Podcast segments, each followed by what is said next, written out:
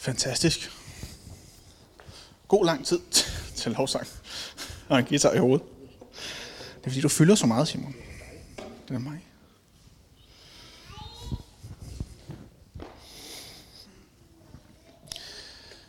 Det er jo Palmesøndag. I er meget friske. Det er fedt. Det er Palmesøndag. Woo! Sådan. Og så er påsken jo gået i gang. Og det ligger jo endda enormt tidligt år med den her palmesøndag. Jeg tror, det er den tidligste påske, vi har haft i... Var den tidligere sidste år? Nej, det var den ikke. Der var den lidt senere. Og palmesøndag er jo den dag, hvor at Jesus han rider ind i Jerusalem. Velvidende, at det lakker mod enden for ham, at det er tid til, at han snart skal op på korset. Så palmesøndag bliver ligesom begyndelsen på enden for Jesus, men det er overhovedet ikke begyndelsen på endelsen. Det er jo begyndelsen på begyndelsen for nyt liv for alle os mennesker, efter Jesus han ender med at komme op på korset. Men lad os starte med at læse, hvad der egentlig sker her palme søndag. Har jeg bibler med? Du har læst det, små. Det er godt. Men det kommer også op på slideshow, netop. Jeg læser fra Markus evangeliet kapitel 11, og så vers 1-11. Og der står det, da de nærmede sig Jerusalem, og kom til Betfage og Betania ved Oliebjerget. Så sendte han to af sine disciple afsted og sagde til dem, Gå ind i landsbyen heroverfor. Når I kommer ind i den, så vil I straks finde et føl, som står bundet, og som intet menneske endnu har siddet på. Løs det og bring det herhen. Hvis nogen spørger jer, hvorfor I gør det, så skal I sige, Herren har brug for det, og sender det straks tilbage hertil. Så gik de, og de fandt et føl bundet ved en dør ud til gaden, og de løste det. Nogle af dem, som stod der, spurgte, hvad er det, I gør? I løser jo følget. Men de svarede sådan, som Jesus havde sagt, og så lod de dem gå. De bragte så følget hen til Jesus og lagde deres kapper på det, og han satte sig op på det. Og mange bredte deres kapper ud på vejen, og andre strøede grønne kviste, som de havde skåret af på markerne. Og både de, der gik foran, og de, der fulgte efter, råbte, Hosianna, velsignet være han, som kommer i Herrens navn. Velsignet være vor fader Davids rige, som kommer. Hosianna i det højeste. Og så kom han ind i Jerusalem og gik ind på tempelpladsen. Da han havde været rundt og set på det hele, og da det, og det allerede var sent, så gik han ud i Betania sammen med de tolv. Hosianna, Lovet være han, som kommer i Herrens navn. Halleluja. Som jo også er et fantastisk ord, vi sang her i nogle af de første lovsange hos Jana. Jeg synes hos det er sådan et enormt fedt udtryk, vi har i Bibelen. Det er et glædesudtryk, det er et sejrsråb til Herren. Det betyder noget i retning af frelstov eller vær dog vores redning. Og så er der altså de her fantastiske udtryk, som vi har i Bibelen, som lige kommer ind en enkelt gang, og så møder vi dem Aldrig igen. Vi kender nærmest intet til det her ord. Men det er bare sådan en fantastisk glædes jubelråb til Herren. Når vi kigger på ordet Hosianna sådan i sig selv, så er vi faktisk enormt svært ved at oversætte det. Det kommer tilbage fra en gammeltestamentlig tekst, vi også skal kigge på om lidt. Men det bliver ikke brugt andre steder i Bibelen. Det bliver ikke brugt nogen andre steder i samtidskulturen. Det er ligesom sådan enkelt enormt glædesudråb, som vi kun lige møder en eller to eller tre gange i Bibelen. Det er lidt spændende, ikke? Men Hosianna betyder noget i retning af frelst dog, eller hvad er der vores redning i dag? Og det er en måde at sige tak til Gud på. Og det får os jo til at tænke på her Palme Søndag. Jamen, hvad har vi egentlig at sige tak for i dag? Hvad har vi at sige tak til Gud for? Hvor kan vi råbe Hosianna? Tak fordi du frelser os, Gud. Tak fordi du gør. Tak fordi du er vores redning. Jeg har altså, når jeg kigger tilbage på mit eget liv, så kan jeg se, at Gud i så mange tilfælde har været inde og lige skruet lidt på omstændighederne, eller hjulpet mig lidt på vej og gjort, at jeg kom videre i mit liv. Og det kan jeg bare kun være enormt taknemmelig for. Selvom jeg er opvokset i sådan et godt kristent hjem, og altid har været siddet på juniorlejre og været ungdomsvelsignet, og alle de ting, man skal i kirke, så synes jeg aldrig, det har været, i mit liv har det aldrig sådan været givet for mig at være kristen. Det har aldrig været nemt for mig. Det har aldrig været sådan en enkelt ting for mig at tro. Det har altid været noget, som har, jeg har været en del proces omkring. Og da jeg var yngre, jeg er stadigvæk ung, vil nogen sige, håber jeg. Tak. Men da jeg var yngre endnu, der brugte jeg en del år øh, på at være med i sådan musikundergrundsverden i København og være ude. Både selv at spille musik og lave lyd for bands og tage rundt og hjælpe bands. Så stort set hver weekend, så var man ude sammen med en lille gruppe, den her lille gruppe af musikere. Enten så skulle man selv spille, eller også var der nogle andre, der skulle spille. Og så mange gange har jeg siddet sent et eller andet sted ude på en bar lørdag nat, og så alligevel stået op og været i kirke søndag morgen, for enten at skulle spille lovsang eller tale eller noget helt tredje. Og det har været sådan det der underlige sige, spændingsfelt, mit liv altid har været imellem. Jeg har altid stået med et ben i lidt hver lejr, jeg har gerne vil, jeg har svært ved at tro, eller har svært ved at ligesom commit mig til min tro. Og på den anden side, så har jeg også været enormt glad for at være i kirke, og været enormt glad for at være en del af fællesskabet. Jeg er enormt glad for at have en kirke omkring mig, som vil støtte mig og være sammen med mig. Og haft enormt stort oplevelse af, at Gud var til stede i mit liv.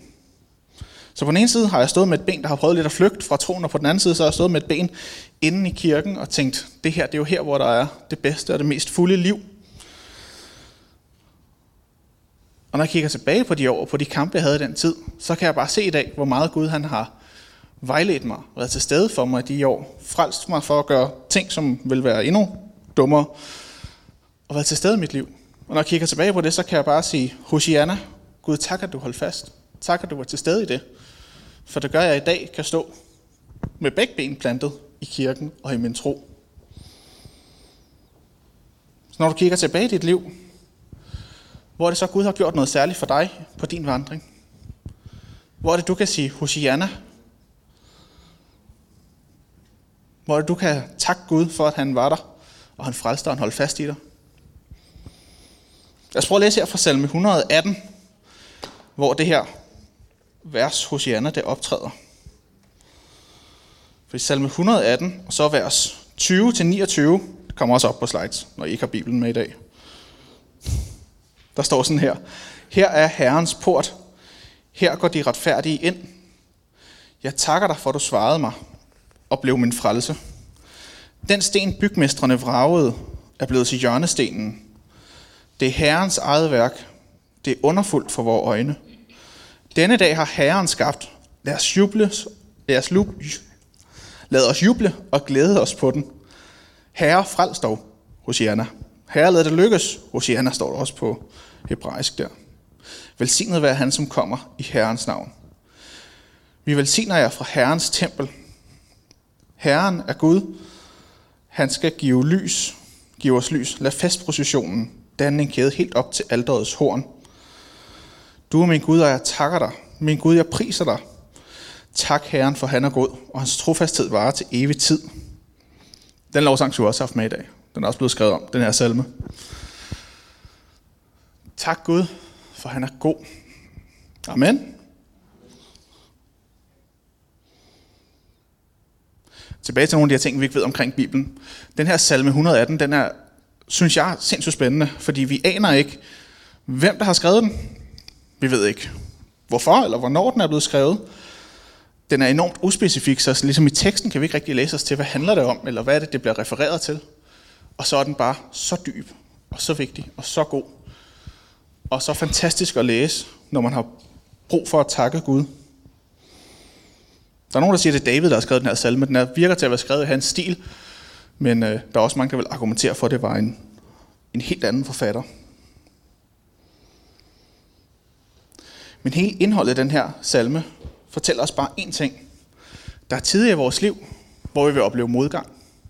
Der er også tider i vores liv, hvor vi vil opleve medgang, og alting går fantastisk godt. Men der er nogle tider, der er hårde, og nogle tider er gode. Og lige meget hvad, så skal vi sige tak til Gud, for han er god. Og hans trofasthed, den var til evig tid. Og det er lige meget, om det er hårdt i vores liv, det er let i vores liv, eller hvad der ellers sker, så var Herrens trofasthed til evig tid.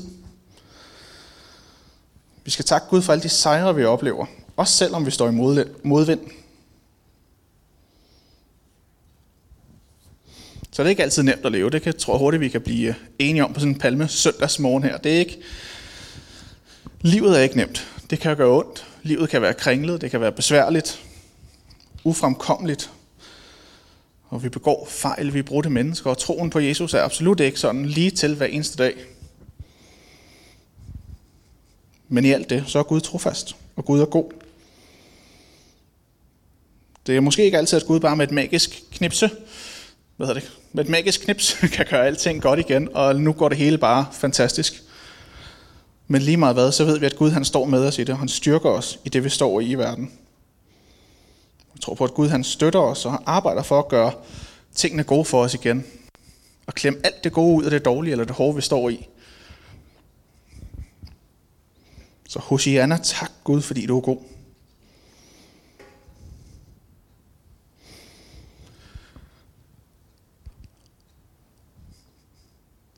Hele den her... For Jesus på det her tidspunkt, tror jeg, når han træder ind i Jerusalem her palmesøndag, så ved han jo godt, hvad der skal til at ske. Måske som den eneste. Disciplen, de har ikke helt fanget pointen endnu, og der er nok også en masse andre mennesker, der ikke helt ved, hvad der kommer til at ske. Men Jesus ved godt, hvad der skal ske. Så det må være sådan en meget øh, underlig dobbeltfølelse at ride ind på et æsel, og alle folk hylder ind, og man bare ser frem til om en uge, så hænger jeg op på et kors, og det er under en uge. Det kommer ikke til at være sjovt. Og så alligevel, så er han trofast og gør det bliver ved med at gå på sit kald. Sejren i Jesus, det skal vi snakke meget mere om på søndag, hvor det er påskesøndag, og så har vi været igennem skær torsdag og langfredag osv., så, videre. så det springer vi lige sådan lidt enkelt henover. Så vil jeg lige runde noget, som Paulus han skriver til Thessalonikerbrevene i forbindelse med det her. For jeg tror, at i Paulus der møder vi for alvor en person, som har oplevet det her med, at det kan være svært at leve. Det kan være besværligt. Hovedparten af Paulus' liv, så har han været i gang med at forfølge kristne eller folk, som faldt udenfor. Han har arbejdet for ypperste præsterne for det romerske rige og været toller, og han har brugt rigtig, rigtig, rigtig meget tid på at forfølge og torturere mennesker, der stod imod magten og stod imod ypperste præsterne. Og i mange år, så var det de kristne, han forfulgte. Og så en dag, ud af ingenting, så blev Paulus mødt af Jesus som et lys fra en himmel. Og Jesus siger, hvorfor forfølger du mig?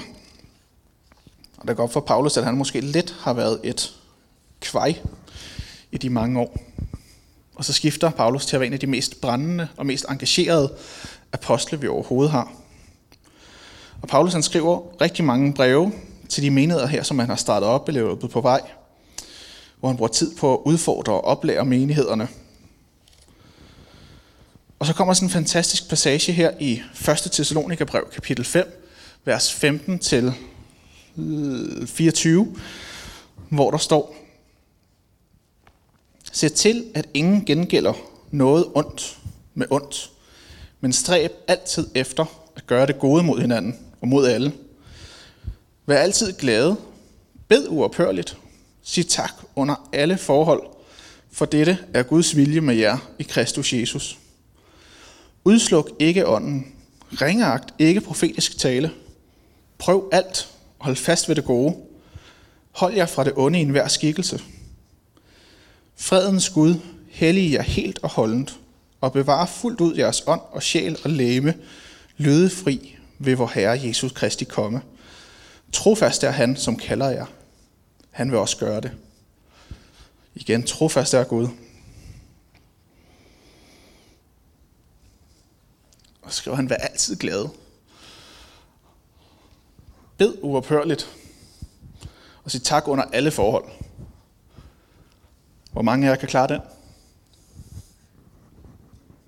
I hvert fald det, jeg synes, det kan begynde at blive svært. Bare være altid glade. Ah, det, det kommer ikke til at ske. Men det Paulus skriver, det er, sig Hosianna i alt, hvad der sker. Tak Gud, sig tak til Gud for de ting, der sker, også selvom det ikke er nemt, også selvom det er skidt. Også selvom man lige har fundet ud af, at man har brugt hele sit liv på at forfølge de mennesker, som man nu skal op og sige undskyld til, fordi man gerne vil slutte sig til dem. Tak Gud, fordi du mødte mig der alligevel.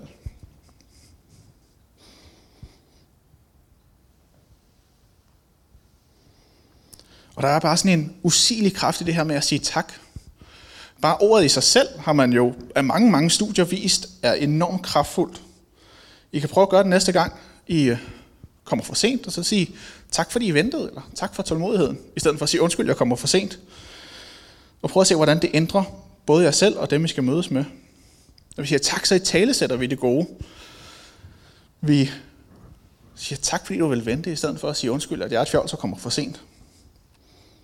Der er lavet rigtig, rigtig mange forskellige studier, der viser, at det er at enten bede en aftenbøn, hvor man siger tak for dagen, der er gået, eller skrive en takkejournal, hvor man siger tak for de ting, som er gået godt, eller for at man alligevel har fået hjælp.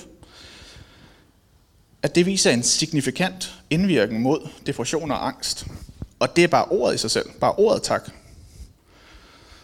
Så oven i det, så skal vi også lige huske, at vi henvender os til en Gud, som ønsker at møde os, som agerer ind i vores liv, som gør noget. Men bare ordet i sig selv har enorm kraft. Nærmest som om det er blevet skabt til at være et ord, der gør godt. Kunne man jo mene. Og oven i det, så er Gud også aktiv og medfølende, og ønsker at agere, og ønsker at møde os i alt, hvad vi gør.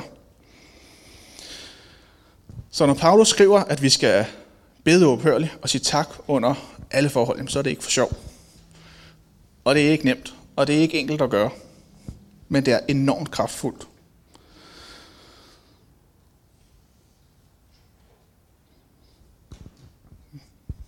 Vi skal starte hver eneste dag med at sige tak. Hosianna, tak Gud.